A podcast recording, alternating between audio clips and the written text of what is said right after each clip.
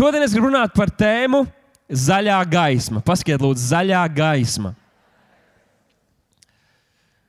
Zaļā gaisma. Iedomājieties, kāda būtu dzīve, ja mūs visur gaidītu zaļā gaisma. Nu, ceļa satiksmes uh, gadījumos, iedomājamies, īpaši vīrieši man tagad izjutīs, tu brauc, tu esi nedaudz ieskrējies, un nevis iedegas oranžā, nevis sarkanā, bet visur, kur tu brauc, ir zaļā gaisma. Tu pagriez pa labi, zaļš, pagriez pa kreisi, zaļš, brauc uz priekšu, zaļš, brauc uz aizmugures, zaļš, zaļa gaisma visās malās. Tā tik būtu dzīve, tā tik būtu brīvība. Nu, tie, kas esat skolnieki, iedomājieties, jums zaļā gaisma skolā. Aiziet pie skolotāja, sakiet, vai es varu uzrakstīt papildus kontrolu darbu? Jā, zaļā gaisma tev. Vai es varu neierasties rīt uz skolu? Man ir tādas svarīgas lietas, draudzēm. Jā, droši dari to. Visur, kur tu ej, zaļā gaisma, visur, kur te ej, visi pasniedzēji ar zaļām gaismām stāv, atbalsti ir par tevi, saka, jā, tev izdosies. Visas tavas idejas uz urā, dari to! Ah, tā tik būtu dzīve. Karjerā, iedomājieties, jūsu karjera, visur, kur jūs ejat, zaļā gaisma, viss jums iet no rokas, visur, viss ir forši. Ah, vis, katra jūsu tātad, inovācija, katra jūsu ideja tiek apstiprināta. Wow, wow, wow! Zaļā gaisma. Un uh, mācītājs iesāk šo mūsu mazo tādu ieskicējumu tam, ko mēs gribam darīt šajā gadā. Un šis ir tas 3M, 3M mīlestība, māceklība, misija. Un jūs saprotat, ka šodien es gri drusku gribēšu ieskicēt šo misijas virzienu. Uh, Un es lūdzu Dievu, es gribēju saprast, kas būtu tāds svaigs veids, kā es par to varētu runāt. Jo pirms kāda laika es runāju par tēmu svēto, svēto kalpošanu, un tur mēs pieskārāmies arī šai, šim misijas aspektam. Es, es lūdzu Dievu, mēģināju saprast, kas man pašai uzrunāt, kas būtu kaut kas tāds svaigs, un jūs neticēsiet. Dievs man kaut ko deva. Dievs tiešām man kaut ko deva, un tas bija garšīgi, tas bija kaut kas svaigs priekš manis. Tāpēc es gribu jūs iedrošināt, esiet uzmanīgi, ieklausieties, un varbūt arī jūs kaut ko sadzirdēsiet. Bet mēs iesāksim šo, šo stāstu apskatot Pāvila dzīvi. Ļoti bieži mēs liekam uzsvaru uz viņa kalpošanu, uz to, kāds fantastisks apustulis viņš bija, ko viņš ir sarakstījis un kā viņš ir kalpojis draudzēji. Bet kādreiz mēs nepievēršam tik lielu uzmanību tam, kā viņa kalpošana sākās. Pāvils. Viņš bija Sauls, to mēs arī zinām. Lielākā daļa mēs zinām, ka viņš sākumā viņš tika dēvēts par Saulu. Un, nu, varētu domāt, ka viņš droši vien arī bija kopā ar Jēzu, un tā viņš kļuva par mācekli un pēc tam par apakstuli, bet viņš Jēzu tā aci pret aci nekad nesatika. Tas nozīmē, ka ja viņš tika mācekļots, viņš tika mācekļots tāpat kā katrs no, no mums. Un mēs nedaudz ieskatīsimies tajā, tas man bija diezgan svaigi. Es nebiju nekad tā iedziļinājies viņa stāstā. Pāvils, jeb Sauls. Mēs zinām, ka viņš Viņš uzauga Tarsā, viņš bija saules tarsietis no Kilikijas. Tā bija ļoti ievērojama pilsēta. Jau no 13 gadu vecuma aptuveni viņš sāka studēt pie viena no ievērojamākajiem rakstu mācītājiem, augstā priestera Gamaliela kājām. Viņš studēja rakstus, viņš, bija, viņš tāpat kļuva par, par, augstu, viņš, viņš pats kļuva par farizēju un par rakstu mācītāju tieši pie viņa. Mēs vēlāk varam noprast, ka Pāvils, jeb Sauls, bija viens no Gamaliela izcilākajiem studentiem. Viņa lepnums, viņa acu augs, jo tad, kad mēs redzam Saulu rīkojoties, tad Gamaliels patiesībā parādās arī viņam līdzās, un viņš nu, Pāvils pēc tam pats par sevi runāja kā tādu, kas bija pārāks par citiem farizējiem. Tātad viņa šis skolotājs Gamaliels pavisam noteikti bija sajūsmināts par to. Bet pirmā reize, kad mēs viņu ieraugam rakstos, ir apakstuļu darbos, brīdī, kad pirmo reizi kāds no uz, Kristus, uz Kristu ticīgajiem tiek nomētāts akmeņiem. Un viņa vārds ir Stefans. Tas ir pirmais brīdis, kad mēs redzam Pāvilu, jeb Saulu. Un kas tur notiek? Stefans tajā brīdī, kad viņš ir gatavs pazaudēt savu dzīvību, viņš zina, ka tas viņam tūlīt notiks. Viņš skatās debesīs, un viņš redz Jēzu, viņš, viņa sejā ir smaids, viņš ir prieka piepildīts, lai gan viņš it kā raugās sejā nāvei. Un tas ir kaut kas, kas varbūt raksturīgs tikai mums, kristiešiem, jo mēs nu, nebaidāmies nāves. Mēs zinām, ka tad, kad šī dzīve beigsies, sāksies kaut kas daudz, daudz labāks. Un Stefans ir tajā situācijā, viņš tiek nomētāts akmeņiem un ir rakstīts, ka Sauls to visu noskatījās. Un viņam tas labi patika. Viņam šķita, ka tas bija pareizi, ka šim kurš bija pārkāpis bauslību, kurš runāja pret Mozus bauslību un to veidu, kā viņi izprata, kas Dievs ir, ka viņam ir jāzaudē savu dzīvību. Un tas viņam patika tik ļoti, ka viņš izlēma pats ar to nodarboties. Viņš saprata, es arī to gribētu darīt, un tādēļ viņš ātri centās iegūt šīs tiesības to darīt un dotos, doties uz Damasku. Nu, kāpēc viņš devās uz Damasku, kā jums liekas? Jo iespējams, ka tur bija ļoti daudz kristiešu. Tik īsā laika posmā šī atmodu bija skārusi šo pilsētu. Tur bija daudz kristiešu. Viņš saprata, ka viņš grib ķerties pašam milzim pie, pie, uzreiz pie galvas un nonāvēt uh, to, nu, tur, tur, kur viņš ir. Un tad tātad, no 1 līdz 9 pantam apstākļu darbos mēs lasām, un es nedaudz jums ieskača, ieskicēšu to, kas tur notiek. Jūs droši vien to esat lasījuši. Pāvils dusmas šņāgdams ar ienaidu, viņš jāja tagad ar kādiem no saviem kompanioniem uz Damasku, lai iznīcinātu un vajātu tur esošos kristiešus. Un kas notiek? Spilgta gaisma viņu piemeklē, viņš nokrīt no zirga Viņa kompanioni arī apstājās, neko nedzird, bet Pāvils, jeb Sauls tajā laikā, viņš dzird, ka kāds ar viņu runā no šīs gaismas. Viņš saka, Saul, Saul, kāpēc tu mani vajā? Viņš saka, es esmu tas, ko tu vajā. Kristus. Wow! Tāda sastapšanās! Tāda sastapšanās! Un kas notiek? Kristus viņam ļoti detalizēti pasaka, kas viņam būs jādara. Viņš saka, ka Saulam ir jādodas uz šo pašu pilsētu, Damasku, un tas ir nedaudz ironiski. Viņam bija jādodas uz to pašu pilsētu, lai viņš piedzīvotu glābšanu, uz kur viņš sākotnēji devās, lai vajātu kristiešus tajā. Un ļauj man pateikt tev vienu atziņu, ka Dievs lietos tevi cilvēku dzīvēs, kas iespējams tevi nievā, kur iespējams tevi ienīst, kur iespējams tevi pazemo un kur skaitina tava ticība. Dievs lietos tieši tevi lai vestu viņus pie Kristus. Wow. Un tas ir tas, kas notika šeit, Pāvila, jeb Saules stāstā. Tad viņš tā arī dara. Viņš paklausa Jēzum, un Jēzus viņam saka šos vārdus, ka viņam jāatrod šajā pilsētā kāds vīrs vārdā Ananija. Ananija. Un mēs lasām desmitajā pantā. Tātad Damaskā bija kāds māceklis vārdā Ananija. Un tas kungs parādībā viņu uzrunāja, sacīja, Ananija. Viņš saka, šeit es esmu, un tā saruna ir pavisam interesanta. Varētu domāt, ka viņš kā tipisks māceklis, ja Dievs viņu uzrunā, tev jādodas pie saula, un es esmu izredzējis viņu par, par savu instrumentu savās rokās, ka viņš uzreiz piekritīs. Bet pirmais, ko Ananija saka, ir, es negribu iet pie saula. Vai tu esi dzirdējis? Viņš ir nežēlīgs cilvēks, kā viņš vajā kristiešu. Varbūt viņš arī grib mani pievilkt.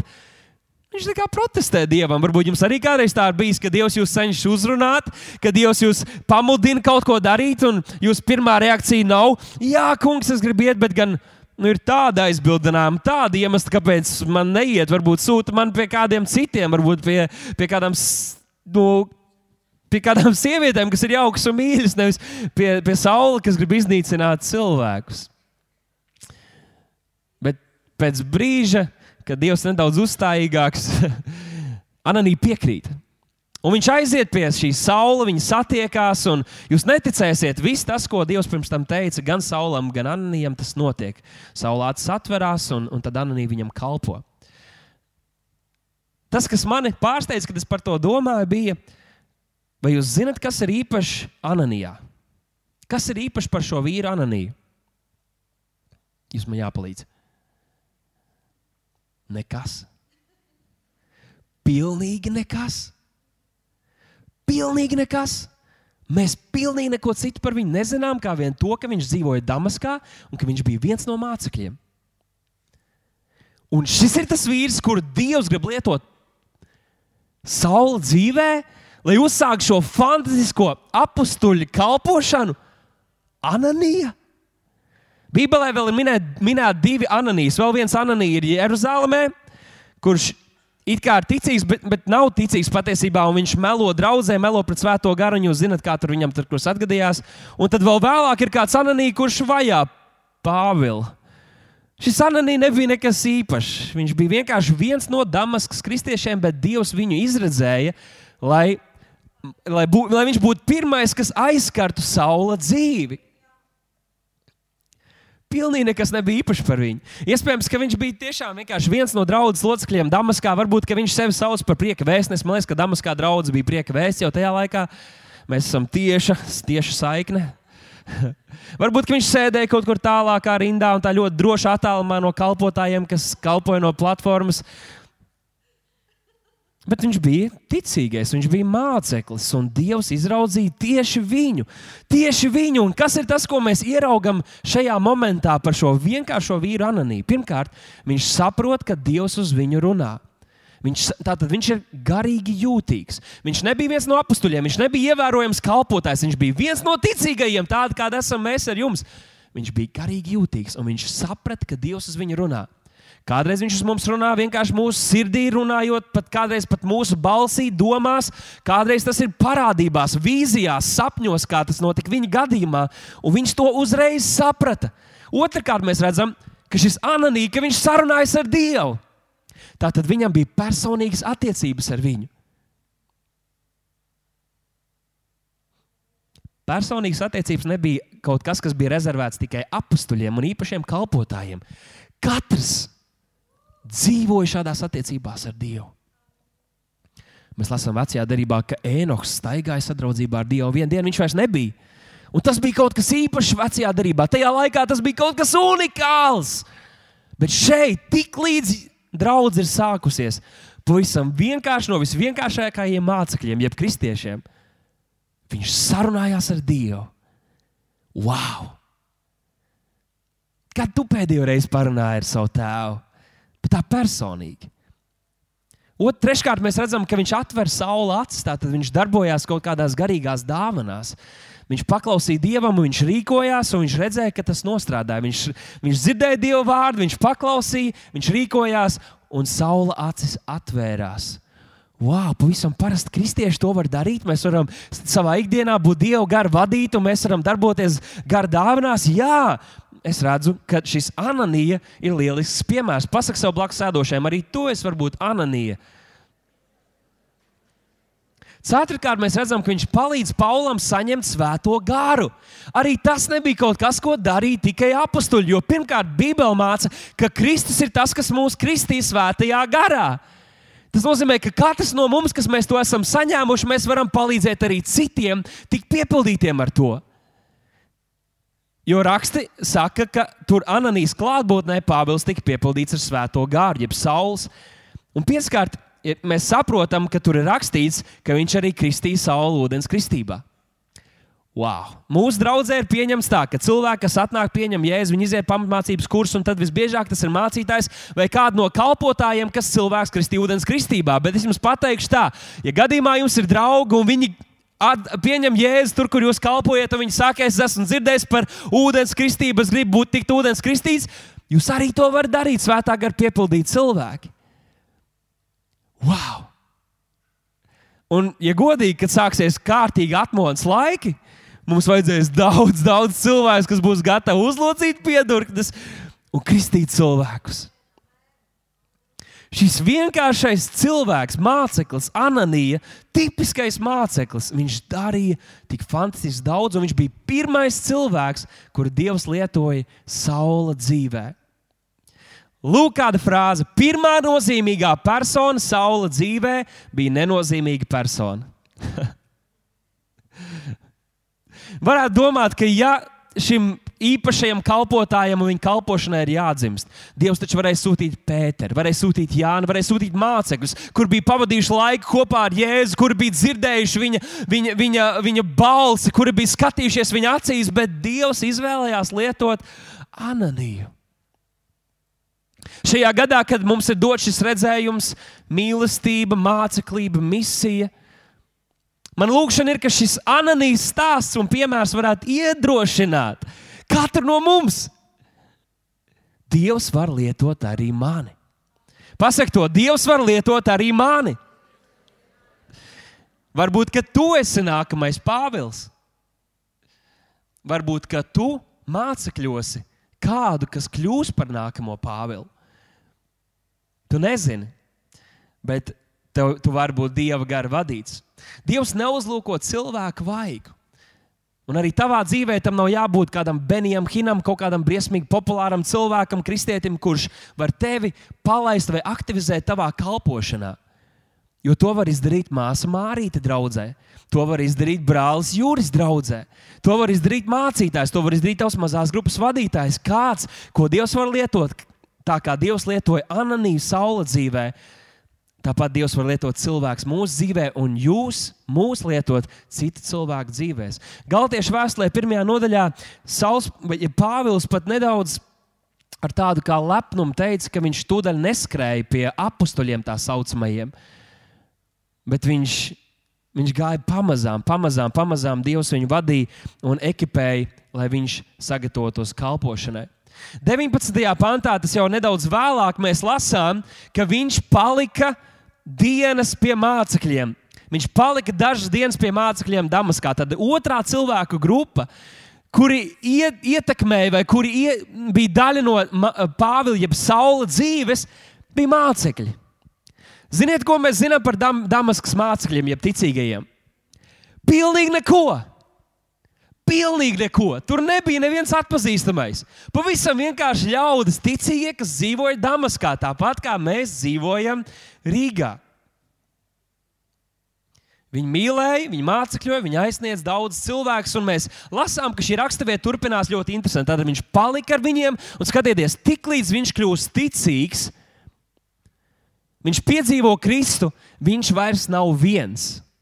Viņš palika ar viņiem, Viņš palika ar šiem mācekļiem Damaskā un tūdaļ, saki, tūdaļ. Viņš tūdaļ sludināja par Jēzu sinagogās. Šis man pārsteidza. Varētu teikt, ka pirms dažām stundām, pirms dažām dienām, viņš bija lielākais no grēciniekiem, no kristiešu aspekta domājot. Viņš bija tas, kurš gribēja vajāt kristiešus pēkšņi viņš ir piedzīvojis dieva mīlestību, un viņš nemaz nejūtas vainīgs par to. Viņš nemaz nepārdzīvo par savu iepriekšējo dzīvi. It kā viņš jau izdzīvo to, ko viņš vēlāk sarakstīs, ka viņš ir jauns radījums, ka viss vecais ir pagājis, ka viņam ir pilnīgi jauna dzīve dota. Viņš vēl nezina pilnīgi visu, viņam nav visas atbildes, bet tas, ko viņš ir piedzīvojis, to, ko viņš zina, to, ko Kristus viņam ir atklājis, viņš sāk sludināt. Viņš sāk sludināt, tik līdz viņš piedzīvo Dieva mīlestību, viņš sāk sludināt, viņš sāk dalīties. Viņš palika pie viņiem, bet viņš dalījās, viņš dalījās ar evaņģēliju. Ar tādu pašu deksmu, kā viņš iepriekš vajāja kristiešu, viņš pagriezās otrā virzienā un sludināja Kristu. Draugi, nav tik svarīgi, vai cilvēki tev tic. Svarīgi ir zināt, ka Dievs tev tic ka Dievs ir tavā pusē. Ka Dievs ir tavā pusē. Mēs redzam, ka Viņš nododas Dievam, bet ir daudzi cilvēki, ticīgie, kuri nespēja viņu pieņemt, kuri baidījās. Ne, nespēja noticēt, ka viņš tiešām ir mainījies, bet tas neietekmē to, kā viņš dzīvoja. Viņš dzīvoja saskaņā ar to, kas viņš ir un ko Dievs ir izdarījis viņa dzīvēm. Viņš nedomāja par to, ko cilvēki domā par viņu. Viņš ieraudzīja to, ko Dievs domā par viņu, un tas viņam ļāva dzīvot brīvi no cilvēku iespējām, dzīvot brīvi no bailēm par to, ko cilvēki domā un kādas ir viņa atmiņas. Viņš dzīvoja brīvi. 22. pantā mēs lasām, ka pēc tam, kad tur daži jau nedaudz sāka viņam pretoties un iebildu pret viņa kalpošanu, rakstīts, bet Sauls, un tagad lasiet skaļi kopā ar mani, bet Sauls ar vien vairāk iedegās un saviļņoja ļaudis, pierādīdams, ka Jēzus ir Kristus. Wow! Tik daudz cilvēku centās viņu apturēt bet viņš aizvien vairāk iedegās. Tas man ļoti atgādina tādas kristieši, jaunos kristiešus, kuri padzirdējuši par šo mīlestības vēstu, piedzīvojuši Dievu. Viņi pēkšņi vienkārši nevar par to klusēt. Visur, kur viņi iet, viņi saka, jums jāatzīst par mani draugu. Kāds saka, bet nu, tur gadījumā kaut kas nebija ar sektu saistīts. Tā, jums jāatnāk, tur baigi foršie cilvēki. Viņi iet tālāk un saka, jums jāatzīst par šo Dievu. Un Jēzus ir tik labs, un jums jāpiedzīvo Viņš. Un mēs kaut ko tādu saskatām saulē. Viņš vienkārši aizvien vairāk iedegās par šo vēsti. Nekas nespēja viņu apturēt.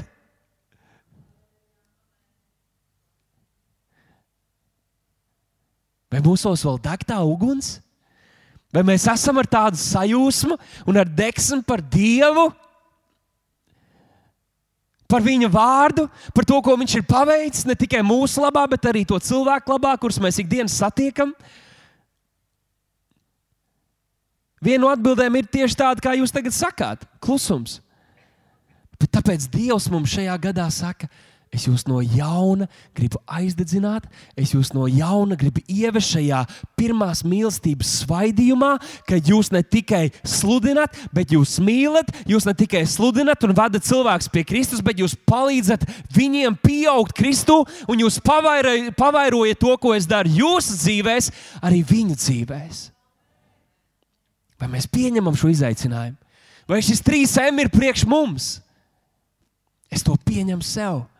Un es ārkārtīgi aicinu tevi, nepretojies Dieva balsī. Dievs saka, 3M, tad 3M. 3M. Tas labi skan. Viņš studēja Dieva vārdu, viņš bija jauns kristietis, viņš lasīja Bībeli, nu, tas, to, tos rakstus, kādi viņam tajā laikā bija pieejami. Viņš apmeklēja pamatmācības kursus, viņš gāja uz Bībeles skolu, viņš nostiprinājās aizvien vairāk, un mēs redzam progresu viņa kalpošanā. Iepriekš viņš vienkārši sludināja, kas tajā nozīmē, apzīmē vienkārši, ka tu runā un citi klausās, bet šeit viņš jau eh, tātad pierāda, kas nozīmē, ka tur jau ir diskusija, tur jau ir saruna personīgā līmenī ar cilvēkiem. Jo vairāk viņš iepazina Dievu un šo jaunās darbības atklāsmi, jo vairāk viņš arī bija spējīgs kalpot citiem cilvēkiem. Un man sajūsmina šādi progresējoši cilvēki. Mūsu vidū arī manā mazajā grupā ir daudz tādi, kas nesen ir pie, atnākuši pie Kristus vai arī atgriezušies pie Kristus. Un tu burtiski redzi, kā katru nedēļu, katru mēnesi, kad jūs satiekaties, ka viņš progresē, ka viņš tiecas, ka viņš negaida, kad es viņu ievilkšu debesu valstībā, bet viņš saka, ej, es gribu būt tur, es gribu būt priekšgalā, es gribu būt viens no tiem, par kādiem Pāvils teica, Neļauj, lai neviens tevi kaunina to, cik ilgi tu esi draudzē, vai kur tu biji visu šo laiku, bet top tu par paraugu ticīgajiem mīlestībā, darbos, kalpošanā. Mēs to varam. Tāpēc Bībelē mūs izaicina sacensties savstarpējā dievbijā. Wow, tā nu gan ir laba sacensība, un mums večiem patīk sacensties, kurš vairāk var uzspiest, kurš ātrāk var pabraukt. Nu, pieņemsim šim gadam tādu izaicinājumu. Kurš no mums spēj dzīvot dievbijīgāku dzīvi, kurš no mums spēj aizsniegt vairāk cilvēku un padarīt tos par Kristus mācekļiem?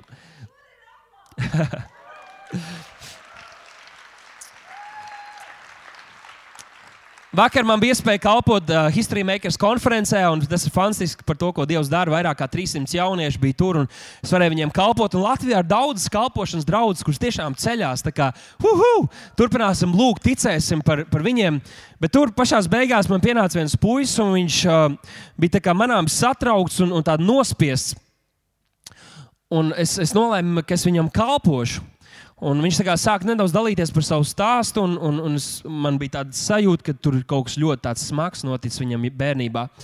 Un, un es te, te sāku vērsties pie viņa par, par šo lietu, bet pēc brīža sapratu, ka uh, nav nekas tik traks noticis.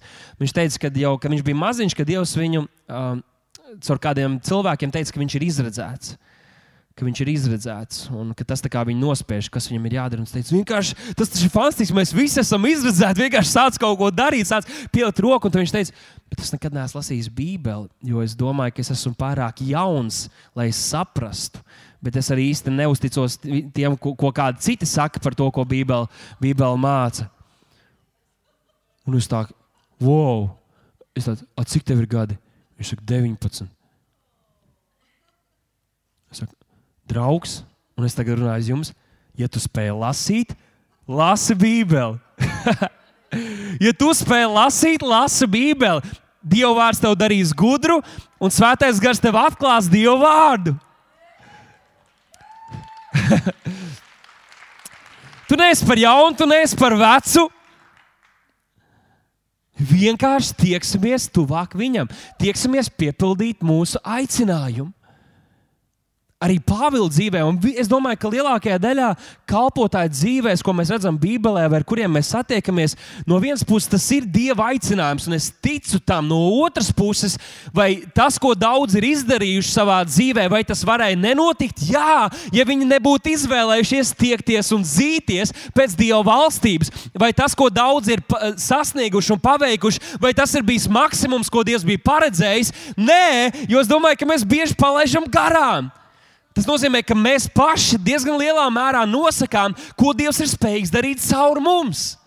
Un to nosaka tas, kā tu nododies tam, kam Viņš tevi ir aicinājis. Arī Damaskā jūdi nolēma nonāvēt Pāvilu. Visur, kur viņš gāja, visi gribēja viņu nonāvēt.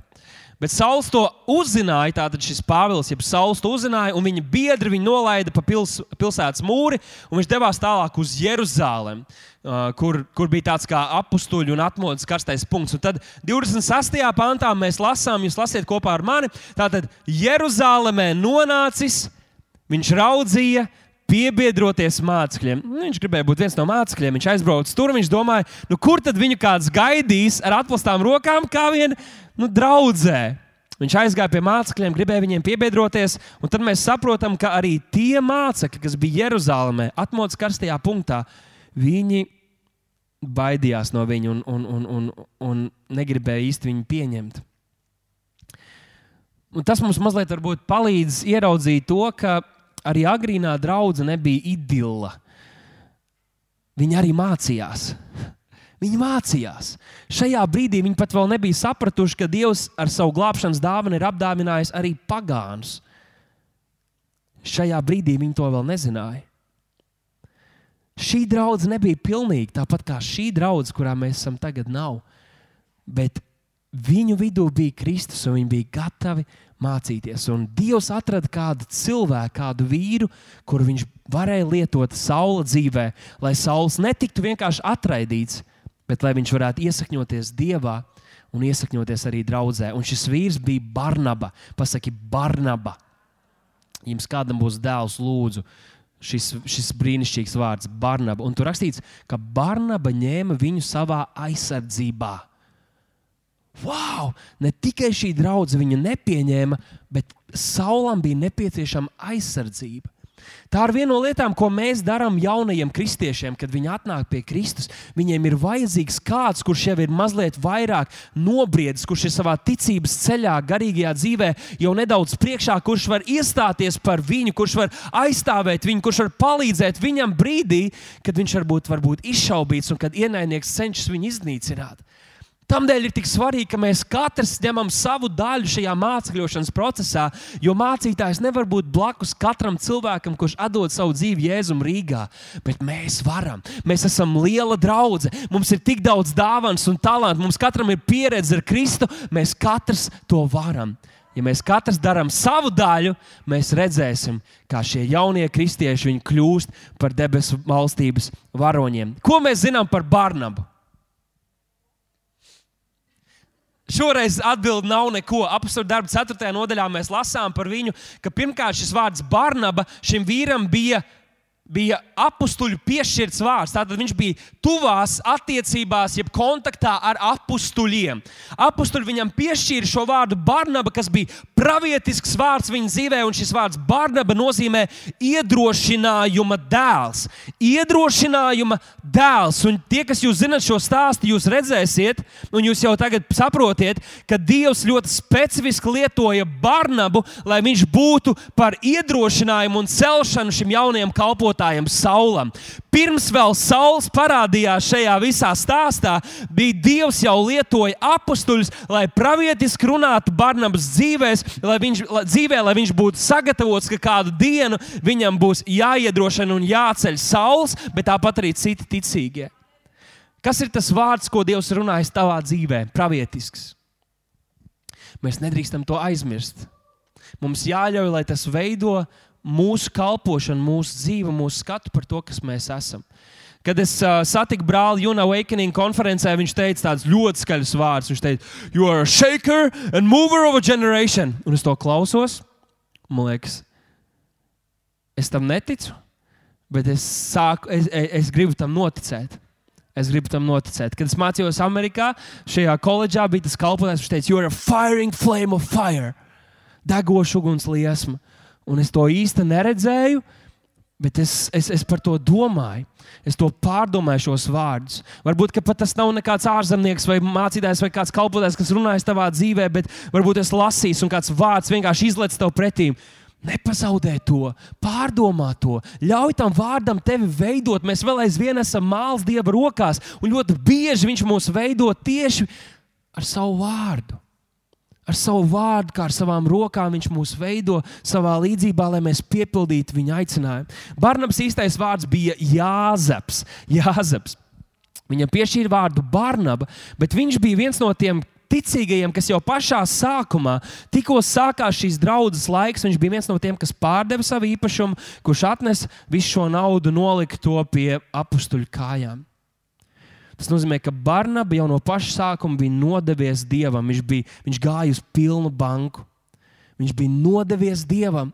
Un es šodien varētu teikt, ka mums visiem vajag tādus draugus. Saulam tāds draugs bija vajadzīgs. Bet no otras puses, šī gada un šī redzējuma sakarā es gribu teikt, ka mums katram ir jābūt tādam draugam. Ka mums ir jākļūst par tādiem draugiem. Kas mēs sakām, es esmu uz pilnu ručku, vai es nezinu, kāda vēl ir izteiciena Latvijā. Es esmu. Es esmu iekšā, un e, man nav otras domas. Es nedomāju par atkāpšanās ceļiem. Es esmu nodedzinājis visas tiltus savā aiz muguras. Ir tikai viens virziens, kur es došos, un tas ir debesu valstība un dieva aicinājums manai dzīvei. Vēl viens izaicinājums. Esi tu Barnaba. Esi tu Barnaba. Patiesībā mēs redzam, ka vēlāk, kad sākas atmodas laiks, Barnabas ir tieši tas, kurš tiek sūtīts uz šo atmodas vietu, Antiohiju. Un tad viņš saprot, ka viņam vajadzīgs palīgs, un viņš aiziet un atrod saulu. Un tikai pēc tam Sauls kļūst par Pāvilu, bet pēc, par to pēc brīža viņš bija pilnībā nodevies šis Barnaba. Viņš spēlēja nozīmīgu lomu. Tad 28. pantā lasiet kopā ar mani. 28. pants mēs lasām, un viņš bija ar tiem Jeruzalemē atkal. Viņš nenošķīrās, viņš nepalika viens, viņš nesāka kaut ko savu. Viņš bija kopā ar šo brāļu sadraudzību. Viņš saprata, ka viņam ir vajadzīgi šie citi cilvēki. Un rakstīts, viņš nāca un gāja un droši sludinādams tā kunga vārdā. Viņš nāca un gāja droši sludinādams tā kunga vārdā. Ko tas jums atgādina? Nāca, gāja droši sludinādams Dieva vārdā. Tas atgādina draugu. Tas atgādina draugu. Mēs taču nākam un ejam, un mēs sludinām tā kunga vārdā. Viņš atnāca, viņš bija draudzē, viņš baudīja, starp citu, Barnam bija Levīts, tātad viņš bija slavētājs. Tā kā viņi strādāja kopā, tas bija fantastiski. Iespējams, ka saules sludināja, bet Barnam vadīja pielūgsmē un ieveda cilvēkus Dievu klātbūtnē, un tas saules plā, plā, plā, un atmodas sākas un viss notiekās. Viņš sludināja, viņi nāca un gāja un sludināja Dieva vārdā. Vai tu redzi sevi šajā stāstā? Paklausieties, viņš vēl nav apustulis. Viņa vārds vēl aizvien ir saules, kas ir jūdu vārds, pēc kura viņu pazina kā neģēli. Bet viņš nāca un gāja un sludināja tā kunga vārdā. Un tad mēs pat redzam, ka viņš cīnījās ar helēnistiem. Īpaši, kad mēs esam jauni kristieši, mēs kādreiz pāršaujam pār strīpu. Ne? Mums liekas, ka mums ir tik stipri argumenti. Bet patiesībā šis vārds cīnījās atkal nozīmē debatēji, vai tādā augstā tonī debatēji strīdējās ar, ar, ar šiem helēnistiem, kur bija grieķu dievību pielūdzēji. Un, uh, nu, viņš gribēja, lai viņi tiek glābti. 29. pants tālāk. Tātad viņš, strī, viņš cīnījās ar helēnistiem, 29. pants, un tie meklēja viņu nonāvēt.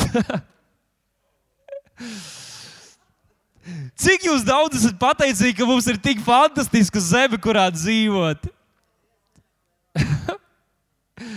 nu, mēs, tu vienkārši gribi dalīties ar to, ko esi piedzīvojis, un visu laiku kāds grib to nogalināt. Skatieties, gribēja viņu nonāvēt, un tad kāda ir atbilde? Brāļi to manīdami viņu aizved uz Cēzariju un aizsūtīja uz Tarsu, kas bija viņa dzimtā pilsēta. Brāļi. Šī jau ir otrā reize, kad brāļi vai tuvākie kristieši, viņu, viņ, tas, ka viņam bija šie tuvākie kristieši viņam apkārt, ka tas izglāba viņa dzīvību. Ja viņš būtu nošķīries, viņš būtu nobeidzies. Bet tas, ka viņš bija draudzē, pasargāja viņa dzīvību. Pasakiet man, ka kristietim nav vajadzīga draudzene. Pasakiet man, ka kristietim nav vajadzīga mazā grupa vai mazāks ticīgo lokus, kurā jūs viens otru zinat, kurā jūs viens otru atbalstat un ticat viens par otru. Lai gan šie brāļi arī tā nedaudz sautīgi rīkojās, mēs redzam, ka pēc tam šajā vietā, šajā pilsētā ir pilnīgs miers un viss ļoti labi dzīvo. Citiem vārdiem viņi teica, Pāvils, tos drusku pa daudz aizrāvies ar šo visu evaņģēlīju sludināšanu. Labāk dodies prom, tev pašam būs labāk, un arī mēs dzīvosim mierīgi. Un viņš arī aizbrauc. Un viņš sēž tajā tarsā. Un, uh, Nav nekas teicis par to. Es domāju, ka viņš arī tur sludināja evaņģēlīju, bet viņš bija tur. Viņš vienkārši bija tur. Un atmodu turpināja izplatīt. Tad mēs redzam, ka Pēters ir kādā vietā un viņš sludina evaņģēlīju. Viņš redz, ka svētais gars nāk arī par pagāniem. Un tad Antiohijā sākas atmodu, tad Barnaba dodas tur, lai apraudzītu draugu. Viņš ir pats vienkārši sajūsmā. Viņš nespēja nocēt tam, kas notiek. Viņš saka, bāc, bet man vajag palīdzību. Viņš atcerās, tepat blakus pilsētā Tarsā Pāvils kaut kur sēž. Viņš tomēr bija tīri labi aicināts un Dievs kaut ko darīja pie viņa. Es iešu, pasaukšu viņu. Varbūt viņa deksme noderēs šajā pilsētā. Viņš aizbrauc pakaļ saulam atved viņu šo pilsētu. Viņi kopā gadu paliek ar šo draugu. Un tad no šīs draudzes rodas mā, mācītāji un pravieši, kur pēc tam izsūta viņus kalpošanā. Un īsi pēc tam Saula vārds tiek nomainīts pret Pāvilu, un nekad, ne reizi vairs viņš netiek dēvēts par Saulu. Tas notika, un tas epicentrs bija vieta, kur viņi paši kalpoja, kalpoja viņu pašu vidū. Tas notika. Ko mēs redzam šajā stāstā? Divas lietas par Pāvilu. Pirmkārt, viņš tika mācekļots. Viņš nebija Jēzus māceklis tādā burtiskā nozīmē, viņš nesteigā Jēzum pakaļ, bet viņš tika mācekļots. Un Dievs lietoja cilvēkus, kuri nebija ievērojami tāpēc cilvēku standartiem, lietoja saula dzīvē, lai paceltu viņu viņa kalpošanā. Ananija, Barnaba, citi mācekļi. Otrakārt, mēs redzam, ka viņš dzīvoja tā, it kā viņam nebūtu bremžu. Jūs esat dzirdējuši tādu stāstu, kad cilvēki brauc un pēkšņi nestrādā bremze, un tu brauc uz 100 km/h, un tu saproti, ka tu nevari nobremzēt.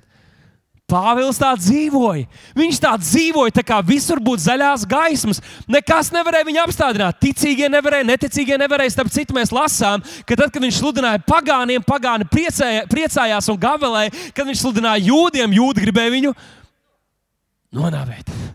Bet nekas nespēja viņu apturēt. Viņam gan īsti tā kā nebija baili. Viņš uzticējās, viņš zināja, ka tas, ko viņš sludina, ka tā ir patiesība. Ziniet, Jūs atzīsiet patiesību, patiesība darīs jūs brīvus, un Pāvils bija to piedzīvojis, tāpēc viņš vēlāk par to teica. Viņš atzina patiesību, patiesība darīja viņu brīvu no viņa vēstures, patiesība darīja viņu brīvu no citu cilvēku spriedumiem un, un domām, un viņš sludināja patiesību, un patiesība darīja brīvus arī citus. Viņš dzīvoja tā, it kā būtu zaļā gaisma. Un es ticu, ka Dievs ielikt to manā sirdī nepavēlti, ka Dievs saka, ka šis gads apzīmē gadu, kad mums ir zaļā gaisma. Zaļā gaisma ir iedegta. Zaļā gaisma ir iedegta. Saka, zaļā gaisma. Zaļā gaisma taviem sapņiem. Tas, par ko tu ilgāku laiku esi domājis, un cerējis un sapņojis, un es nerunāju tikai par evanģelizāciju, tas var būt tavs bizness, tas var būt kaut kas karjerā, ko tu gribi izdarīt, jo Dievs grib tevi pacelt, lai tu spīdi šajā sabiedrībā, un cilvēki redz tavus labos darbus un godā tēvu, kas ir debesīs. Zaļā gaisma mums ir jāieraug un jāredz to, ka Dievs ir pār mums, Dievs ir ar mums un Dievs mūs vedīs savā spēkā. Zaļā gaisma. Es ticu, ka šī ir zaļā gaisma arī sirdsēstiem par kaut kas, par ko tu esi, kas tev ir ilgi sāpējis, kas tev nomok mūsu sabiedrībā. Varbūt tā ir prostitūcija, cilvēki ar atkarībām, cilvēki augstos, augstās pozīcijās, kurus neviens neaizsniedz ar evaņģēliju. Un tu saproti, ka tev kaut kas ir jādara lietas labā, un Dievs saka, tev ir zaļā gaisma. Es tevi lietošu, un es būšu ar tevi līdz pasaules galam. Draugi, tāpat mums ir zaļā gaisma izbaudīt Dieva mīlestību. Zaļā gaisma izbaudīt Dieva mīlestību. Tik mīlētiem tas ir tik būtiski un tas ir visa pamatā. Ja mēs nezinām, ja mēs nepiedzīvojam to, ka Dievs mūs mīl, mēs nespēsim mīlēt nevienu citu.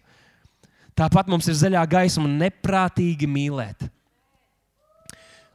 Arī savus dzīves draugus, bet mīlēt savus līdzcilvēkus.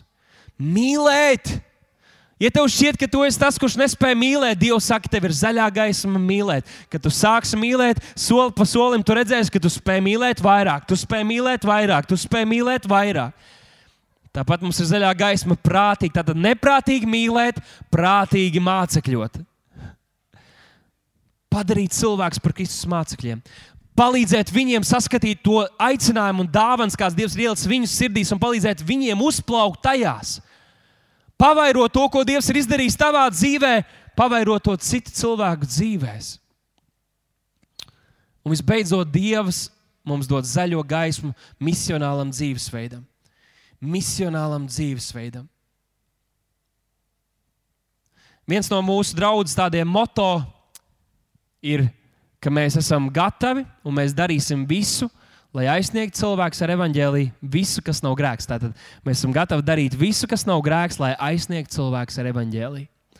Man šķiet, ka kādu laiku mēs vienkārši to esam tā runājuši, bet vēl neesam tā uzdrīkstējušies iet tālāk. Bet, lai aizsniegtu cilvēkus, kur vēl nav aizsniegti, mums ir jādara lietas, kuras vēl nav iepriekš darītas.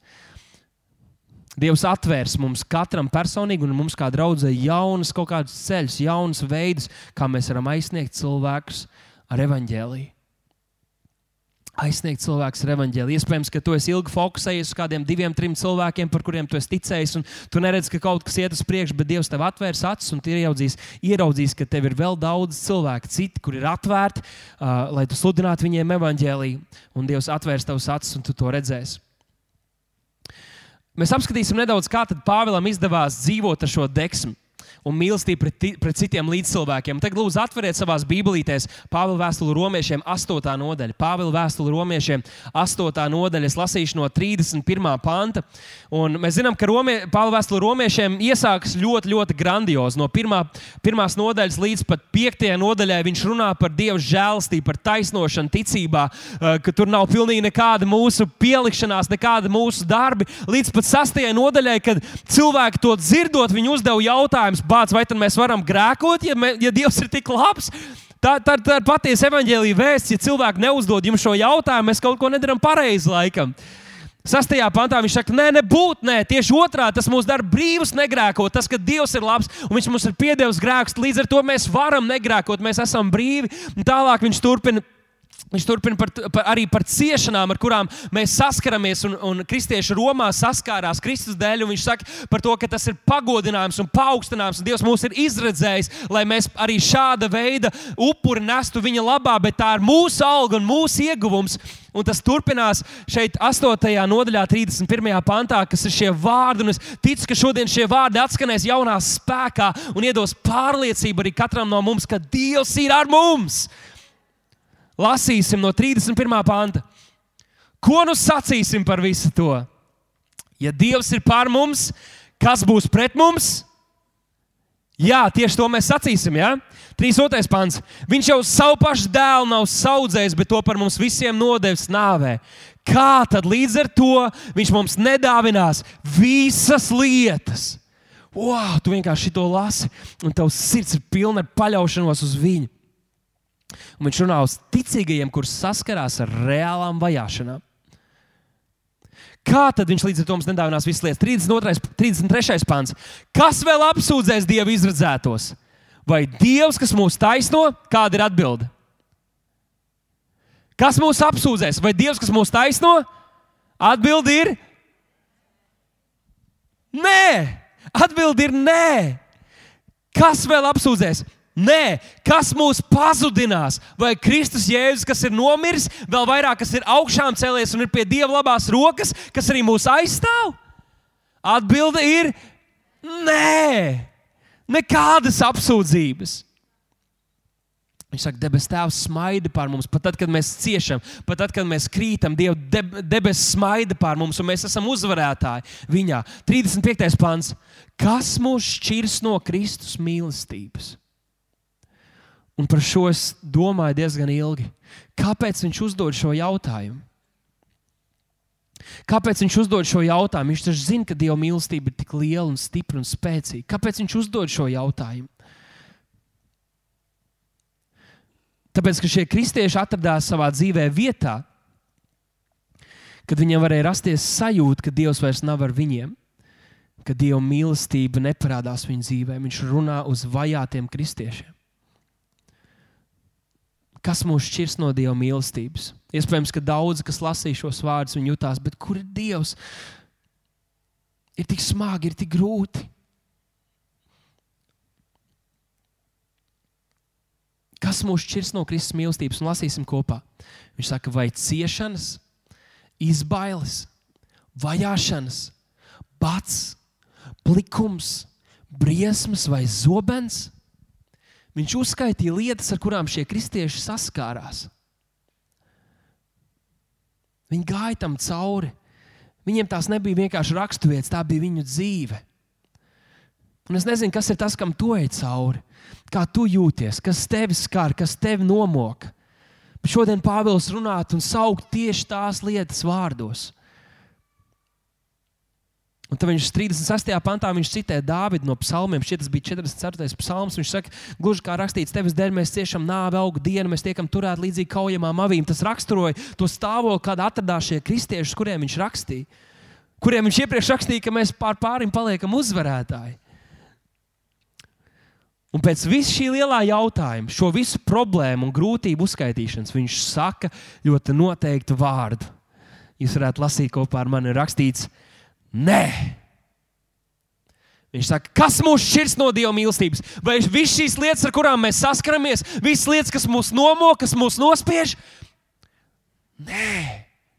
Visā šīs lietās mēs pār pārim paliekam uzvarētāji. Tā spēkā, kas mūs ir mīlējis, un tagad viņš saka, tāpēc. Tātad, izējot no tā, ka viņš mūs ir mīlējis, izējot no tā, ka visās tajās lietās mēs tāpat paliekam uzvarētāji, lai gan āršķirīgi var šis, ka mēs tiekam sakauti, iekšēji mēs zinām, un Dievs vada mūs savā uzvaras gājienā. Un, lai gan ir kādi kristieši, kas tiek vajāti, ir tik daudz, kas caur to tiek glābti, viņš saka, tāpēc, tāpēc es zinu Tāpēc esmu pārliecināts, ka ne nāve, ne dzīvība, ne eņģeļi, ne varas, ne lietas esošās, ne nākamās, ne spēki, ne augstumi, ne dziļumi, ne cita kāda radīta lieta mūs nevarēs šķirt no Dieva mīlestības, kas ir atklājusies Kristu Jēzu mūsu kungā.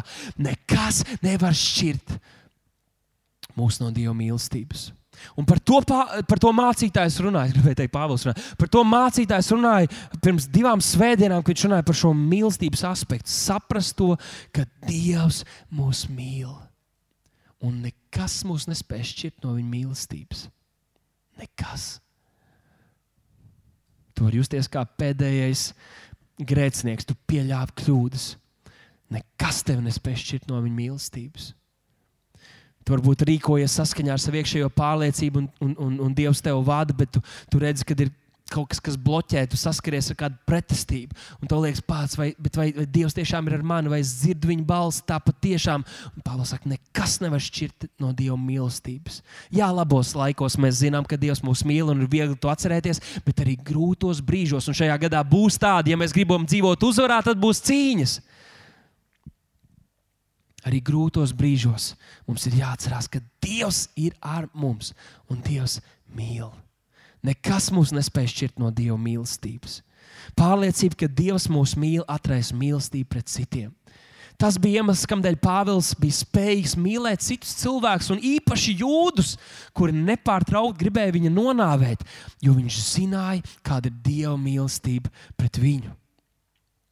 9. nodaļas 1. pantā Pāvils turpina tā pavisam jau nedaudz citādāk. Viņš saka, es runāju patiesību. Es cenšos, viņš cenšas pierādīt mums, ka viņš tagad nemelos, ka viņš teiks kaut ko, kā viņš patiešām jūtās. Un, kad es lasīju šos vārdus, es tiešām biju pārsteigts un es nespēju vēl aizvien īstos sagramot. Viņš saka, es runāju patiesību, es nemeloju. Arī mana sirdsapziņa to apliecina svētajā garā. Viņš saka, man ir lielas skumjas un nepārtrauktas sāpes sirdī.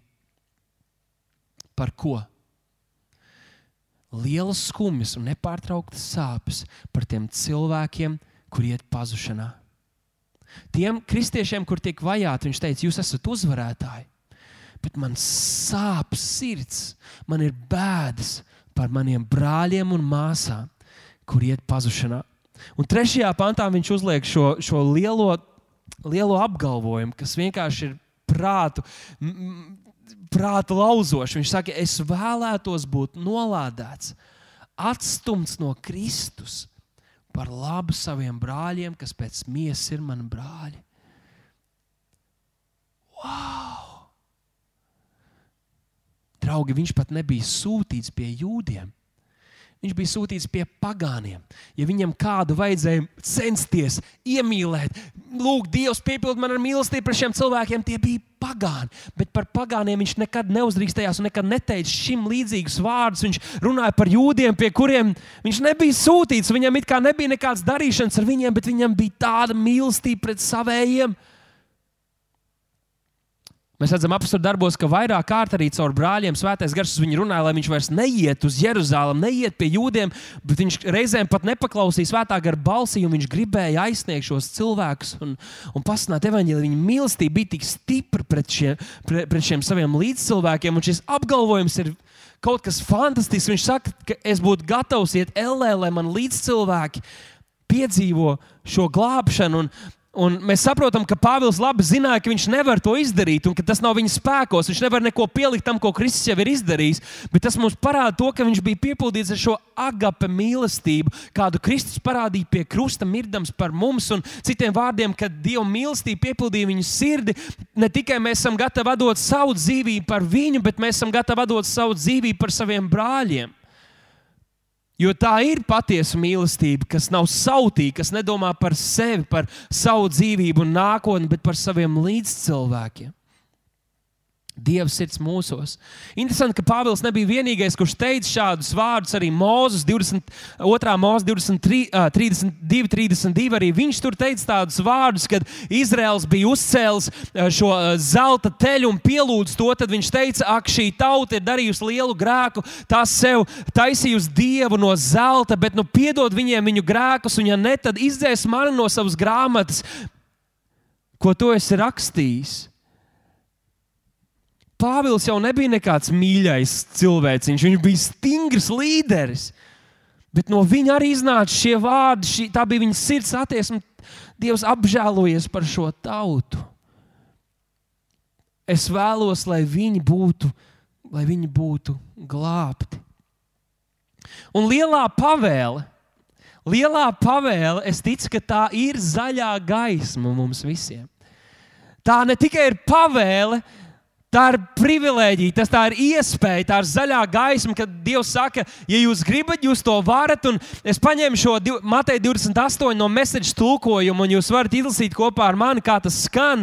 Un tur rakstīts, ejiet un apmāciet visus, kurus jūs satieciet, tālus un tuvus, tos apzīmogojot ar kristību ūdenī.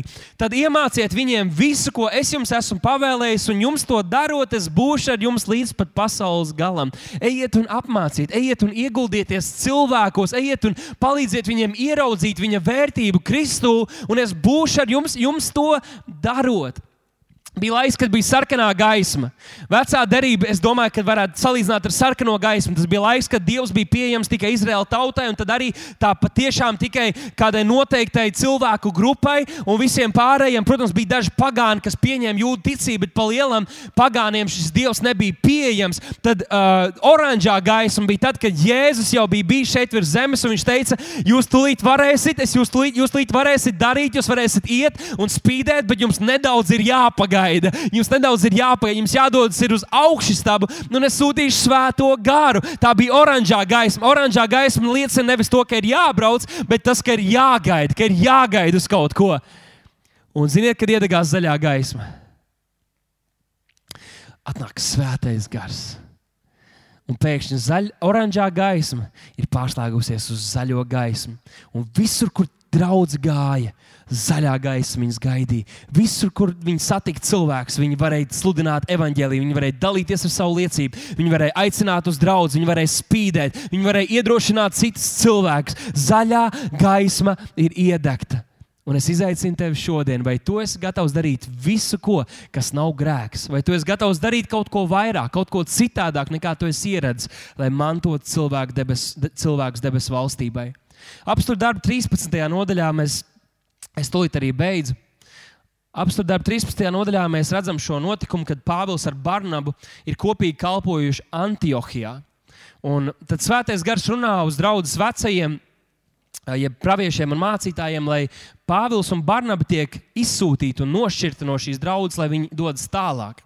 Un mēs lasām, ka šajā Antiohijā draudzē bija pravieši un mācītāji, un tad svētais gars viņiem runāja, un tad viņi gavēja, viņi lūdza, un tad viņi uzlika savas rokas un tos atlaida. Tas ir trešajā pantā. Tiem rokas uzlikuši tos atlaida Barnabu un Saulu, kas šajā Pirmajā pantā mēs redzam, ka, ka viņi bija vieni no šīs draudzes mācītājiem un praviešiem.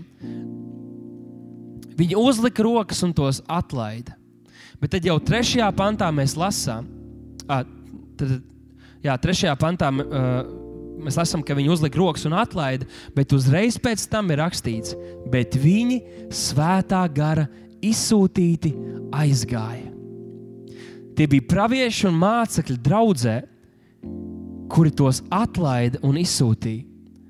Bet tas bija svētais, kur, kur tos atlaida, bet tas bija svētais gars, kas tos izsūtīja un viņi aizgāja. Vai ziniet, ko nozīmē eņģelis vai arī apustulis? Tas nozīmē sūtītais, vēstnesis. Sūtītais vēstnesis. Un šai nedēļai, šim gadam, bet šai nedēļai es, es ticu, ka, ka, ka mēs pravietiski varētu pieņemt un ieraudzīt kaut ko no tā, kas notika todien Antiohijā. Jo mēs šodien šeit esam ticīgie sanākuši. Mēs ejam un nākam, mēs ejam un nākam. Un es gribētu šodien atlaist mūs, tā kā to izdarīja praviešu mācītāji ar Barnabu un Pāvilu bet ka mūsu lūgšana un mūsu sirds attieksme un atsaukšanās Dievam būtu tāda, kā tur rakstīts, ka lai gan mācekļi, lai gan mācītāji tos atlaida, svētais gars bija tas, kas tos izsūtīja. Un šajā nedēļā, kad mēs dzīvojam ar tādu apziņu, ka mūsu kopējā sanāksmē svētais gars man sūtīja šajā nedēļā, visur, kur es iešu, ka svētais gars ir tas, kas man sūta spīdēt Un es pats to pieņemšu pavisam personīgi. Es uh, padalīšos. Un tas ir tā, pirms kāda laika man bija tāds izaicinājums Instagram, kad es liku katru dienu uh, vienu raksturvietu no tā, kas man uzrunājas. Šai nedēļai es pieņemu savu tādu izaicinājumu, ka katru dienu es jums vienam cilvēkam gribu pastāstīt par Jēzu.